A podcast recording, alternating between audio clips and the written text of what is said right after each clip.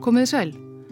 Í þessum þætti förum við í leiðangur á norður heimskautið, enda kannski ekki setna vætna. Hvítei er austasti punktur norska konungsríkisins. Eian er hluti af Svalbardha en jáfnvel þar er hún afskjagt 400 km frá Longyearbyen í norð-austur. Eian er 680 ferkilometrar, nokkru stærri en Myrdalsjökull og að mestu hulin jökli. Hvítir ísklettar hennar rýsa skindilega upp úr dökku íshafinu. Það er bara rétt við ströndina sem sést í íslaust land, hrjóstrugt og grít. Fáir leggja leið sína til hvítæjar en það fátt þangað að sækja ef maður kemst þangað á annað borð. Hafís umleikur eiguna og það er sjaldan fært þangað. En það var vissulega fært sumarið 1930. Þá var ofinu hlýtt og þann 7. ágúst fór norska skipið Bratvok þar hjá. Um borð voru vísindamenn á leið til rannsókna á enn afskektari eigaklasa Frans Jósefslandi. Til að fjármagna leiðangurinn hafði þeir kift með sér nokkrum veiðimönnum sem veitu rostunga og seli á leiðinni og við ströndina á kvítegi þann 7. ágúst 1930 flattmöguðu margir rostungar og virtust bara býða þess að veiðimenn allarleið frá Noregi kæmu og gómuðu á. En þegar á land var komið í kvítegi fundu norsku veiðimennir ekki einungis flattmagandi rostunga. Á meðan þeir eldri í hópnum tóku til við veiðar fóru tveir þeir yngstu, 18 og 23 ára gamlir, af stað gangandi eftir ströndinni í leitað vatni. Eftir stuttagöngu komiður auga á eitthvað sem glampaði í sandinum. Það var lok af dós sem láð þarna á ströndinni, á eigu sem var og er eins og óaðgengilegasta og afskektasta á heimskortinu, þangað sem enginn átti nokkuð tíman erindi. Rostungsveiðimennir ungu litu í kringum sig og sáu þá annað. Aðeins lengra upp með ströndinni, þar sem jökullin tók við, lág spýtnabrak, hálf frosið í jökulísnum, sem greinilega hafði eitt sinn fyrir margt löngu verið árabátur og þarna var líka eitthvað sem virtist vera sleði. Vi står undrande. Hva gjøyma denne staden, og hva har hendt her? Ei merkelig kjensle. Vi ser rådvilje på hverandre. Í útvarsviðtali löngu síðar lísti einn veiðimannana því hversu forviða þeir urðu við fundin. Hvað hafði einlega gerst þarna? Þeir rópuðu á félaga sína, þá eldri, og þá fór fljótt að gruna hvað þetta gæti verið, hvers vegna væri árabátur og sleði þarna á hjara veraldar. Það var vegna þess að þeir voru það miklu eldri að þeir myndu vel eftir atburði sem varð 33 árum fyrr. Sérstaklega þegar norðmerinnir fóruð að leita betur, fóru lengra upp á ströndina og fundu þar mannabein.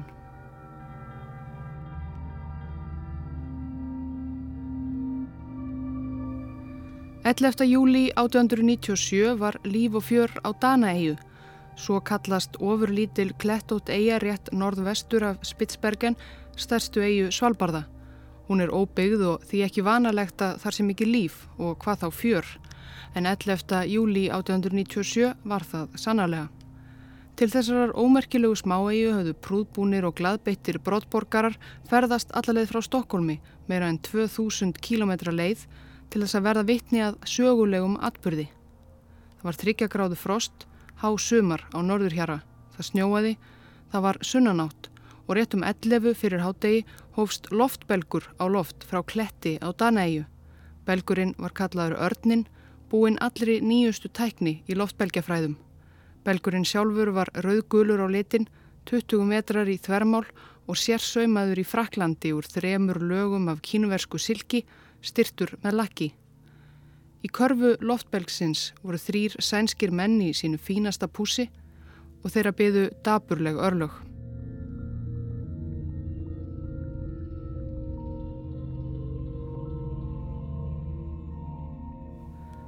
Á þessum tíma, á síðustu árum 19. aldar, voru enn kvítar eyður á heimskortinu, sér í lægi á nyrstu og síðustu slóðum og í Evrópu var þjóð ekki þjóðu meðal þjóða ef sínir hennar voru ekki út um allar trissur að kanna fjarlæg lönd og fylla í þessar gapandi eyður.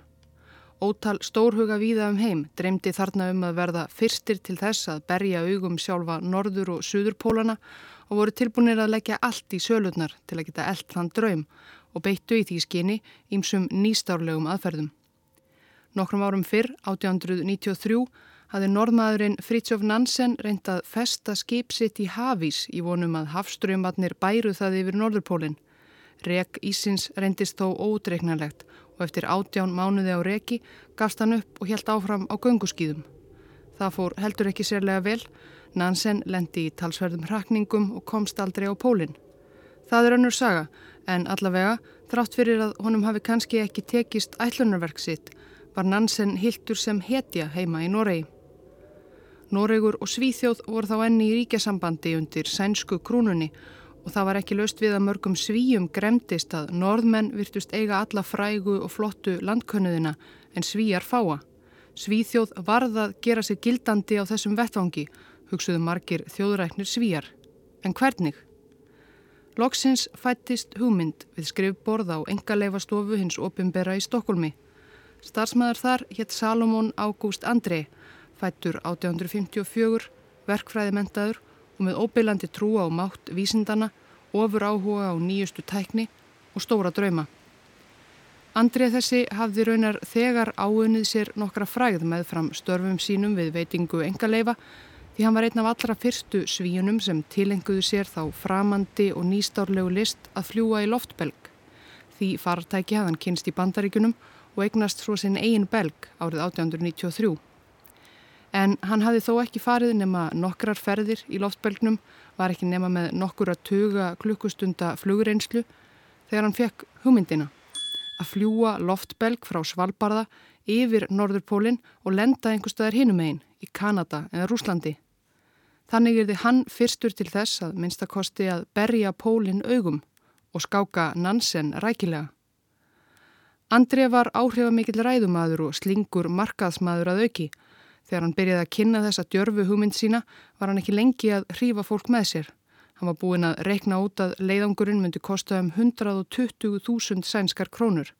Það var stjartfræðileg upphæð á þessum tíma. En brottborgarinnir í Stokkólmi hrifust aldeilis af þessum ofurhuga og letu ríkulegt fjö af hendi rakna til leiðangursins. Dínamít konungurinn Alfred Nobel gaf 70.000 krónur og 30.000 gaf sjálfur Óskar Annar, konungur Svíþjóðar og Noregs. Og konungurinn hafði miklar vendingar til Andrés.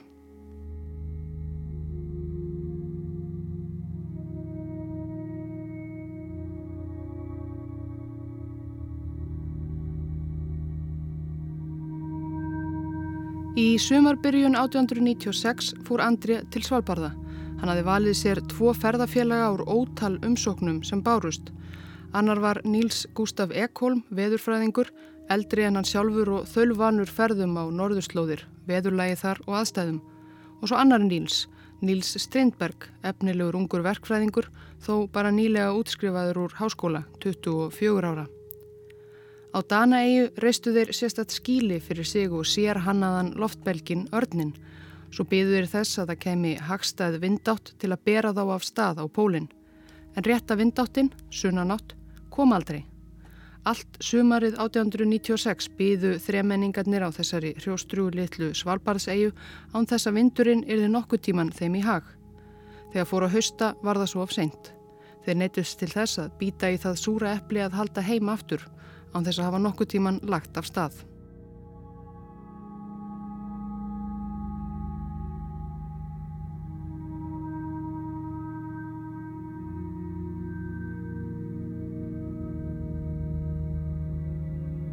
Andri var þó ekki að baki dottin. Vorið 1897 gerði hann aðra tilraun. Bara annar Nílsinn var nú með í för, Strindberg, verkfræðingurinn ungi, en ekki Ekholm, veðurfræðingurinn. Þar sem þeir hýrðust í loftbelgskílinu sumarið áður höfðu runnið á Ekholm tvær grímur. Kanski væri þetta ekki svo góð hugmynd. Ekholm var sem fyrr segir reyndur norðurslóðafari en hvorki André nýjast Rindberg hafðu nokkuð tíman ferðast á þessum slóðum áður. André virtist ekki vita alveg nógu vel hvað hann var að gera. Hann hafði til að mynda aldrei pröfuflógið loftbelgnum og hvað þá í heimskautaveðri. Ímsir útreikningar og áætlanir virtust líka vera á reiki. Einhverju sinni hafði Andri lagst yfir mælingar til að komast að því með að við gasmagn og þéttleika belgsins og annað hvað hann geti verið lengi á lofti samfleitt. 900 daga, hjælt hann fyrst. En svo, nei, best að skoða útreikningana aðeins betur. 30 daga var það. Þarna munaði all nokkru, en Andri var keikur sem fyrr. 30 dagar á lofti var meira en nóg. Hann áætlaði að ferðin myndi í mestalagi taka þá 6 daga frá Svalbardha yfir pólinn og aftur á fastalandið hinnum einn. Aðtöðið að þegar þarna var komið sögu í loftbelgssögunni hafði engin belgur nokkuð tíman verið lengur en einn sólarring á flugi. En Andri let það ekki á sig fá. Það skipti líka litlu máli þótt Ekholm hætti við. Það var engin skortur á sjálfbúðaliðum sem voru til í að leggja upp í þennan djarfa leiðangur. Í stað veðurfræðingsins reynda fann hann annan nýjútskrifaðan verkfræðing. Sá hétt Knút Frenkel, 27 ára, og hafði ekki neina reynslu af ferðarlögum á norðurslóðum. Nú var engin í hópnum sem hafði slíka reynslu en það kom varðlaða sög en það ætluði þeir sér ekkit að stíga á land, bara svífa ljúflega yfir pólinn, varpa þar niður þungri baugju eins og til að segja hér vorum við og koma svo í land sigri hrósandi. Marta því sem þremenningarnir hafðu með sér um borði í loftbelgin var einmitt aðalega hugsað fyrir heimkomuna. Þeir voru með rúblur og dollara því þeir voru ekki vissir hvar þeir myndu lenda, í Rúslandi eða í Kanada, ókjörun öll af púrtvíni og kampavíni og spariföll til að líta öruglega sem best út þegar fagnandi mannfjöldin tæki á mótið þeim. Það var sannarlega fagnandi mannfjöldi sem kvatti þá þegar þeir lögðu af stað til Svalbardha vorið 1897. Algjört fjölmiðla fár hafði orðið í kringum Andri og leiðangur hans innan svíþjóðar og utan. Ort voru hetjukvæði og seldur í mis andri varningur allt frá borðspilum til vasaklúta. Konungurinn sjálfur bauð til kveðju kvöldverðar áður en þeir lögðu af stað og að meðan þeir byðu á Svalbardha var þangað stöðugur ströymur af áhuga sömum ferðalöngum, sænskum brottborgurum sem komi til að taka út loftbelgin fræga og hitta þessa miklu heiðursmenn sem voru alveg að fara að leggja Norðurpólinn undir sænsku krúnuna.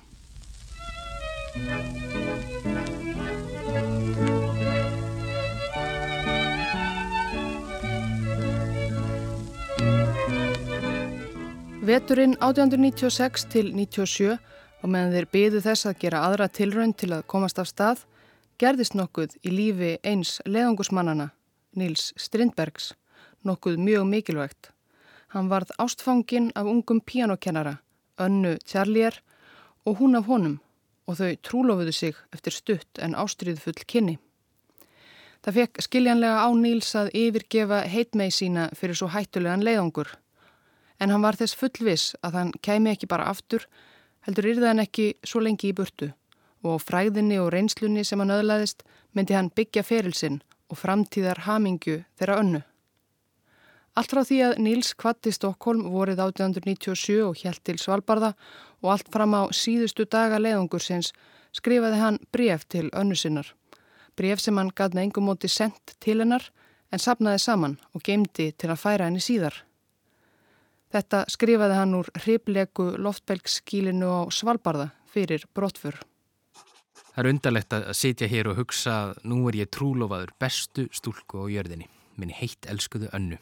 Já, ég felli tár þegar ég hugsa til þeirra hamingi sem ég hef notið og fæ kannski aldrei aftur. Þess vegna get ég ekki komist hjá því að hugsa með trega til hennar og hamingi stundana sem við deildum í vetur og sérstaklega í vor. En ég lefi mér að vona. Loftbelgurinn er lakkaður og ætti að vera miklu þéttari enn í fyrra og sumarið er framundan með sínum hagstæðu vindum og sólarljósi. Sumarið framundan með sínum hagstæðu vindum. Þegar Andrið helt ráðstefnur og fyrirlestra heima í Stokkólmi til að kynna leiðungur sinn og sapna fjö, ítrekkaði hann oft á mörgur sinnum hversu góð skilirði til loftbelgjaflugs yrðu þarna á norðurhjara. Á sumrin væri bjart allan sólarhingin svo að aldrei þyrst að láta staðar nömið vegna myrkurs. Kallt en að öðru leiti blít sumarveður og hagstæðir þýðir vindar sem myndu feikja þeim beinustu leið á pólinn. Óvist er hvar Andrið fekk þessa hugmynd sína um veðráttu á norðurslóðum. Hann hefur allavega öruglega fljótt átt að segja á því að hún stóðst ekki alveg skoðun eftir komu hans og annara leiðungursmanna á Svalbardha. Það var vissulega bjart en annars var yfirleitt leiðindaveður rigning, slitta, snjór og kuldi. Og þessir hagstæðu vindar letu aldilis á sér standa. Ef Andri hefði kannad málið nánar, kannski rætt við þá sem þekktu til á þessum slóðum, þá hefði hann komist að því að á Danaeyju, þar sem hann satt næri því tvö sumur og beigði eftir sunnanátt sem átt að blása honum á pólinn, blés hann yfirleitt úr norðri.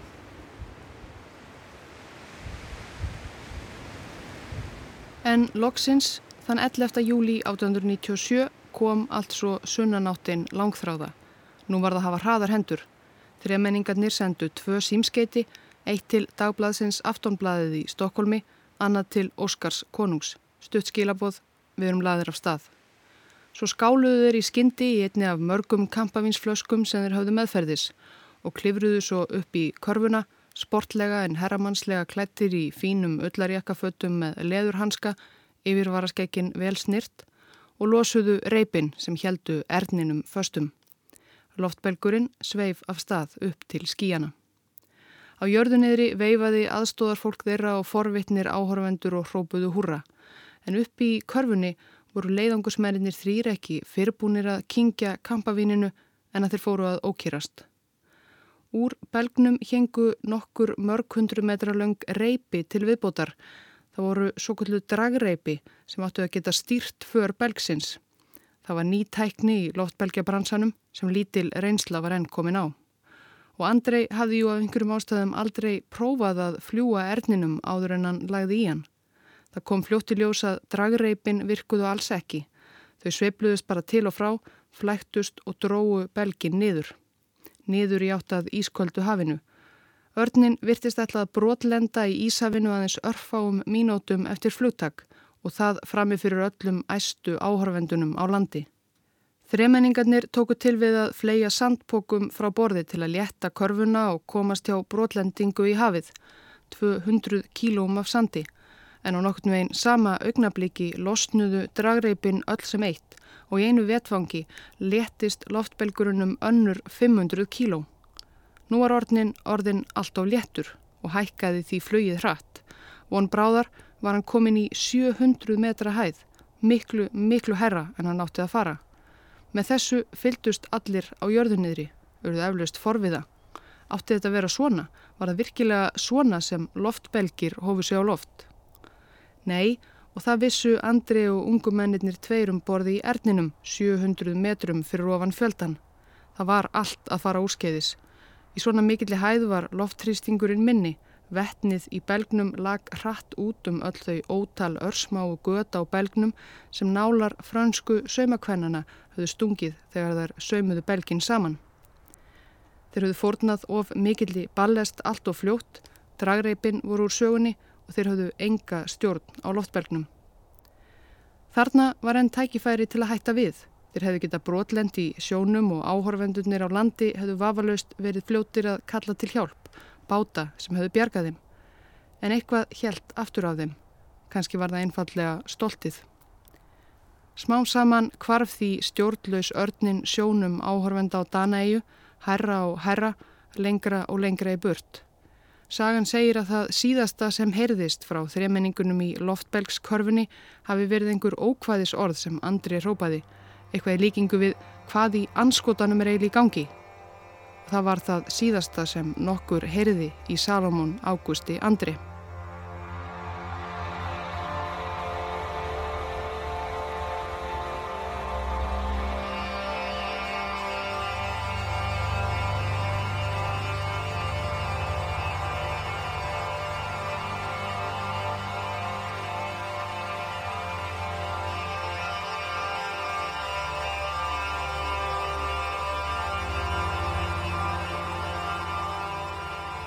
Áhorvendurnir og klettarnir á Danaeyju hörfu líka sjónum þeirra og við tók skjannakvít heimskautaauðnin.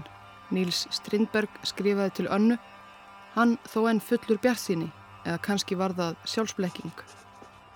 Undarleg tilfinning, indisleg, ólýsanleg. En maður hefur ekki tíma til þess að vera mikið að hugsa. Ég tók nokkra myndir og sá svo að við lækkum flýið. Við flegðum út ballast en tókum dífu. Svo hækkuðu við aftur flýið og nú verðist allt ganga vel. Við heyrum enn húrarópi fjerska. Þegar kvöldaði fór að rigna, svo kólnaði og klaka hjúpur myndaðist um loftbelgin og þingdi hann að nýju. Hann fór að síga niður, Vettnið lag hratt út um nálargötin. Næstu tvo sólarhingana kom þremenningunum um borði erninum ekki dúra á auga og meðan loftbelgurinn lækkaði flögið og fór loks að dragast eftir ísnum, rakst til og frá gjörsamlega stjórnlaus. Þeir eruðu sjóveikir á volkinu. Og loks brotlendi hann alveg á ísilagðri auðninni. Örnin hafi verið 51 klukkustund og 29 mínútur á lofti. Hann hafði ekki ferðast nema 480 kílometra og var hverginæri norðurpólum. Þeir voru ekki eins og komni lengra norður en Nansen hafi farið tveimur árum fyrr. Brotlendingin var þó frekar mjúk. Leiðangursmennir þrýr voru ómeittir og farangurinn að mestu óskemdur. En það hafði eiginlega aldrei verið inn í myndinni að þeir myndu brotlenda og neyðast til að bjarga sér sjálfur einir úti á ísnum. Þeir voru með árabát og sleða meðferðis og talsvert af vistum en þessu hafði Andri sangað að sér í flíti og nokkru hugsunuleysi. Sleðana hafðu þeir þó prófað en þá kom í ljósað þeir voru hrákasmíði, skakkir, en þeir gerðu ekki dýði því þeir gerðu jú ekki ráð fyrir því að þurfa að nota þá. Mart fleira hafi verið gert í flíti.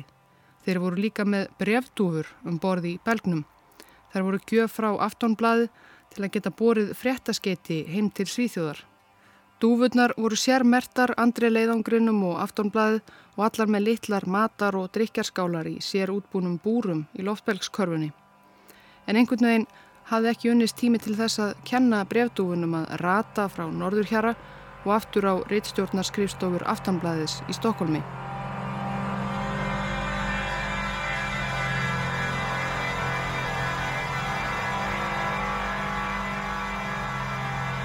Það var ljóst að loftbelgurinn Örnin myndi ekki hefja sig til lofts aftur og þeir Andri, Strindberg og Frengel urðu að koma sér heim með öðrum hætti, fótgangandi yfir ísin. Andri hafði þó haft þá fyrirhyggju að láta koma fyrir neyðarvistum á nokkrum stöðum ef skekk kynni að allt færi á versta veg. Einslík neyðarbyrðastöð var það sem heitir Flóruhöfði á Frans Jóseflandi þar sem Nansen keppinutur þeirra hafði haft vetursetu tveimur árum áður. Hún var um 350 km í burtu og þeir ákvaðu að stefna þangað.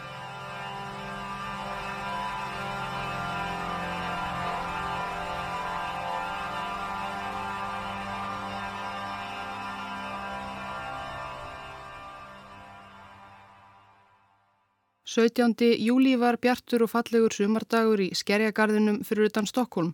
Í sumarhúsi fjölskyldu Níls Strindbergs á einni Skerjagarðsenni var unnusta heimskautafarans gestur.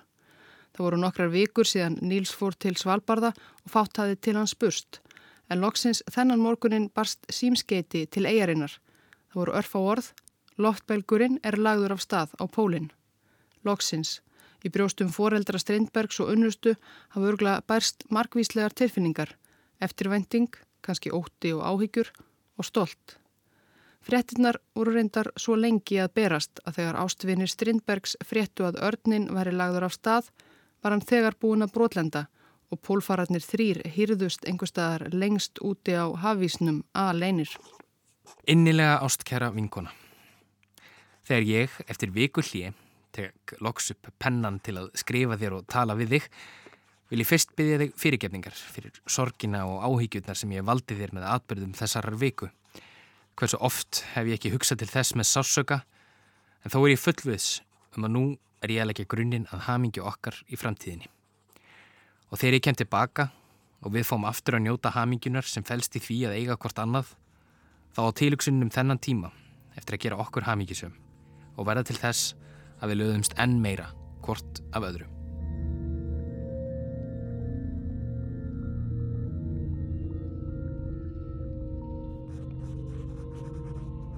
Jæja ástu mín, nú veit hann Nilstinn hvernig er að ganga um á heimskautaísnum. Í upphafi lendum við í smá vandraðum. Þegar við ætlum að fara yfir af ísjakanum okkar með fyrsta sleðan, fór hann á hlið og lenda á kafi. Það var með miklum erfileikum og okkur tókst að ná honum upp. En póki minn sem var á sleðanum er öruglega gegn blöytur og þar var ég með öll brefin þín og myndina. Já, það verði minn dýrmötasti fjarsjóður í vetur. Kæra þú, hvað skildir þú nú hugsa í vetur? Það er mitt eina áhyggjöfni. Þeir voru þrýr menn með þrjá sleða. Jafnan er mælt með því að draga ekki sleða sem er mikið þingri en manns eigin líkamsþyngd en Andri Frengel og Strindberg, meðal menn, hlóðu um 200 kílóum á hvert sleða. Þeir voru allt of þungir fyrir einn mann að draga þeir þurftu því að hjálpast að. Allir þrýr gáttu þeir dreyið hvern sleðana nokkurt spöl, svo hlupu þeir tilbaka og náðu í næsta sleða, dróðu hann nokkurt spöl, hlupu svo tilbaka, náðu í þriðja. Þessi fáránlega aðferð gerði það verkum að ferð þeirra sótist mjög seint. Og hvað var svona mikilvægt að taka með sér? Vissulega voru þeir með mikið að vistum, keksi, þurkuðu kjöti, niðursóðinni, matvöru og mjölk.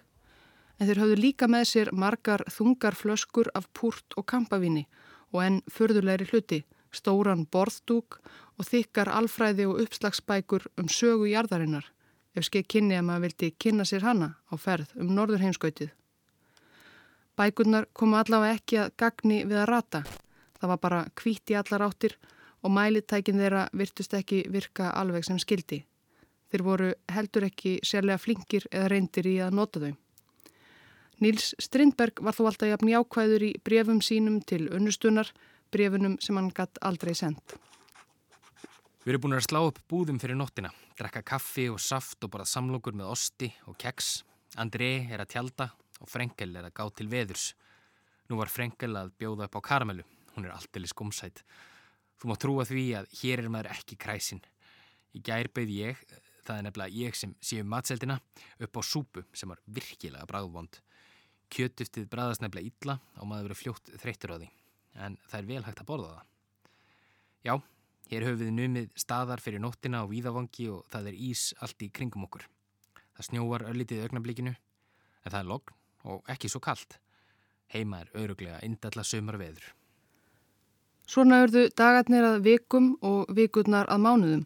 Þremenningarnir hrögtust til og frá, illa útbúnir og illa skóaðir í nýstingskulda og snjó, bruttu verkjalif, morfín og ópíum við verkjum í fótum og maga. Og sama hvað er ösluðu áfram með sleðana var þeim lítið ágengt. Heimskauta ísin var á stöður í hreyfingu, oft genguðir nokkra kílometra en rak svo með ísnum jafn langt eða lengra tilbaka. Já, nú er kvöld heima og ég vona að þú hefur átt reglulega skemmtilegan dag. Hér er hver dagur eins. Dröslast með sleðana, borða og sofa. Ljúfasta stund dagsins er þegar maður leggst í kvílu og lætur hugan reyka til gleðilegri og betri tíma. Nú eru hinnir að koma og við höldum áfram að drösla sleðunum. Og hvað? Þrátt fyrir þetta mistu þeir aldrei móðin, nýja þjóðarstoltið. Þann 18. september 1897 höfðu þeir verið á göngu í tvo mánuði. Veturinn nálgæðist, það var farið að kólna og að leiðangursmönnum var farin að læðast sá grunur að þeir næðu ekki til byggða fyrir veturinn. Þann daginn voru þú líka leiðin 25 ár síðan Óskar Annar var krýndur konungur Svíþjóðar og Noregs. Slíku var það fagna þegar menningarnir dróðu fram fína borðdúkin sem þeir höfðu dragnast með allan þennan tíma þeir elduðu margarétta veslumáltíð selsteik og innmat úr nýveitum sel, smjörsteiktan ísmáf, súkulaði og rúsinuköku með hindberjasósu. Þessu skóluðu þeir niður með 63 ára gamlu púrtvíni sem konungurinn hafi sjálfur gefið þeim til að drekka við heimkomuna. Stemningin með bestamóti og við fórum sattir og gladir að sofa, skrifaði Andrei í dagbók sína. Veistla, skrifaði Strindberg einfallega í sína dagbók. En brefin til önnu voru farin að fá annan tón. Já, það er undarlegt að hugsa til þess að við verðum ekki einu sinni komnir heima á afmælistægin þinn og kannski verðum við að vera hér enn einn veturinn. Við vitum það ekki enn. Kannski komist við ekki að flóru höfða í vetur, heldur verðum að gera eins og Nansen og hafa vetursetu í greni. Auðmingi Anna litla, hvað þú verður örvendingafull ef við komum ekki heim næsta höst. Og þú móttu vita að það kvelur mig að hugsa til þess líka. Ekki mín vegna, því það gerir mér ekkert þó ég þurfa þjást. Bara ef ég kemst heim og fæ að njóta hamingjurnar að því að hlýja mér í sólskinni ástarðinnar. Þar sem þremenningarnir sátu við dúkaða veisluborði sitt á hafísnum sáður land, eigu, og næri því eins kvítað sjá og allt það landslag sem þeir eru hingað til ferðastum, en það mátti líka sjá glitta í dökka, klettóta strandlengju. Þremenningarnir ákvaða nefna landið Nýja Ísland vegna alls Ísins en þetta var eigin sem nú heitir Kvítei og er afskektasta eiga Svalbardha og austasti punktur Noregs. Og þangað ákvaðu á endanum þeir Andri Frenkel og Strindberg að stefna.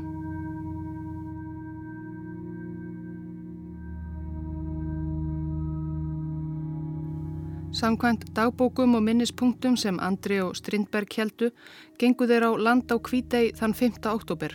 Bækurnar eru ítla farnar en af því sem læsilegt er má ráða að þeir hafi verið nokkuð hressir þrátt fyrir meira en tveggja mánada rakningar á hafísnum. Þeir konnuðu aðstæður og dýralíf á enni, rákust á ísmáfa og íspyrni, komu upp tjaldi og lögðu á ráðinum byggingu einhvers konar kofa til að dvelja yfir veturinn því það var útséðum að þeir kæmust lengra í byli. Veturinn var að skella á, það var orðið kallt, veðrið verra og svo myrkrið. Dagbókar færsla Andrés þann 8. oktober er ill læsileg.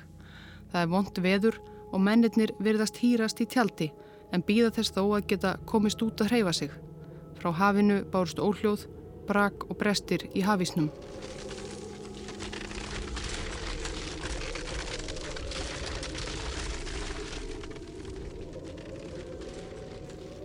Þannig líkur dagbókinni.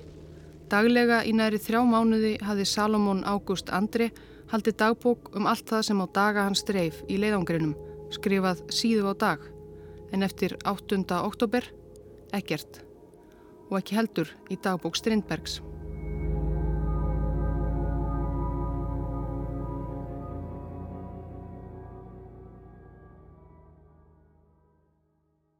Þegar ekkert spurðist til Andrés og félaga mánuðum og árum saman var smán saman farið að efast um að þeir væru enn á lífi. Einhverjir leitarleiðangrar voru sendir af stað en ekki fannst tangur nýja tettur af félagunum. Orðrómur um að þeir hefðu sérst á lífi einhver staðar í Sýberju eða í Bandaríkunum og víðar reyndist aldrei á rökum raustur. Á endanum gafst meira að segja Anna Tjarlier upp á að býða eftir Nilsínum, flutti til Englands og giftist englendingi. Þar var hún árið 1930 þegar fréttinnar bárust loksins. Eftir 33 ár hafðu norskir rostungsveiðimenn loksins fundið andri leiðangurinn og afskektri eigu á Svalbardha. Og þeir andri Frenkel og Strindberg voru auðvitað allir látnir.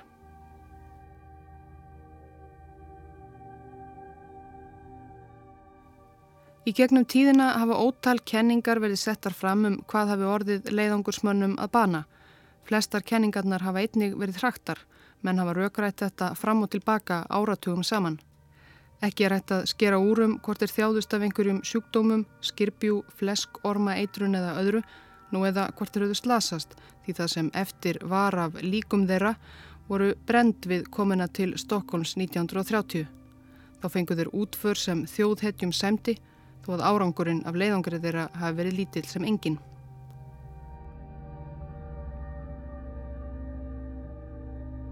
En það má ráða í eitt og annað, til dæmis hvernig bein þeirra fundust. Það er næsta víst að Níls, sá yngsti leðangursmanna, lest fyrst því hann hafi verið lagður til hinstu kvílu undir hrúu af steinum. Bein Frenkels lágu inn í því sem virðist hafa verið tjaldstæði mannana, eins og hann hafi leið og hjúfrað sig inn í tjaldinu þegar hann yfirgaf þennan heim. En Andri, fóringin, virðist hafa verið nokkuð fyrir utan tjaldið, við lítinn klettadranga rétt við tjaldstæðið. Hann verðist hafa verið með riffil sér við hönd og dagbókin hans fannst líka þar nærri, vandlega vafininn í klæðispjöllur og síðasta færslan 8. oktober.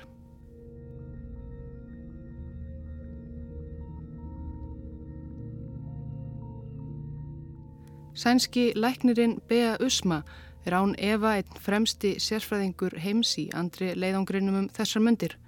Árið 2013 gaf hún út bókina Expeditionen en sérleikshistoria, leiðangurinn Ástarsaga, sem fjallar bæði um leiðangurinn og hennar eigin nær þráhyggjukendu tilraunir til að skera úrum hvað var þeim Andri, Frenkel og Strindberg að aldur tila. Eftir að hafa rannsakað hvern einasta grip sem varðveist hefur úr leiðangurinnum, hverja tætta flík og hvern einasta kopp sem fannst á kvítei, eftir að hafa lesið öll skrif leiðangursmanna og önnur skjölum málið og eftir að hafa sjálf gengið á landa á kvítei. Það var í þriðju tilrönennar til að komast á eiguna sem hún komst loks í land, svo erfitt er enn að komast ángað vegna hafísins. Eftir allt þetta er kenning B.U. Usma svóljóðandi. Sér til matar hafðu leiðangusmennir skotið bæði seli og stöku sinnum einning íspyrni. Af skrifum þeirra að dæma voru þeir ekki sérlega hrættir við íspyrnina þegar þeir byrtust. Byrtust ekki gera sér fyllilega grein fyrir hversu hættulegur svangur kvítabjörn getur verið. Þegar þeir voru farnir að koma sér fyrir á kvítei hefur ilmurinn af selkjöttsbyrðum þeirra vafa lítið laðað að byrni.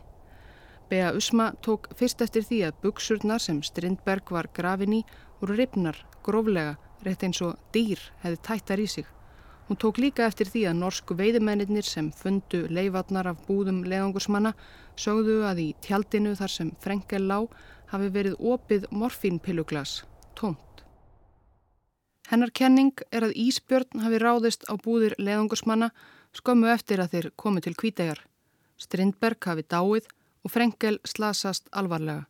Þess vegna hafa hann leið í tjaldinu og sturtaði í sig morfíni. Andri hins vegar hafi verið minna eða ómeittur. Hann hafi því staðið vörð fyrir utan tjaldið, með bissuna í hönd og dagbókina sína, með öllum upplýsingum um hvað á daga þeirra hafi drifið síðustu vikur og mánuði vandlega vafða í klæðispjöllur til að varveita hana. Það var enn bara byrjun oktobermánaðar. Allur veturinn var framundan, í kulda og niða myrkri erði hann að sitja aðleitni í auðninni og verjast íspjörnunum. Þeir bundu vafalaust snúa aftur, það var enn nóg kjött. Svo Andri settist á klettadrangan og krefti nefan um riffilinn og beigð þess sem fyrr kemi, vorið eða hans eigin döði.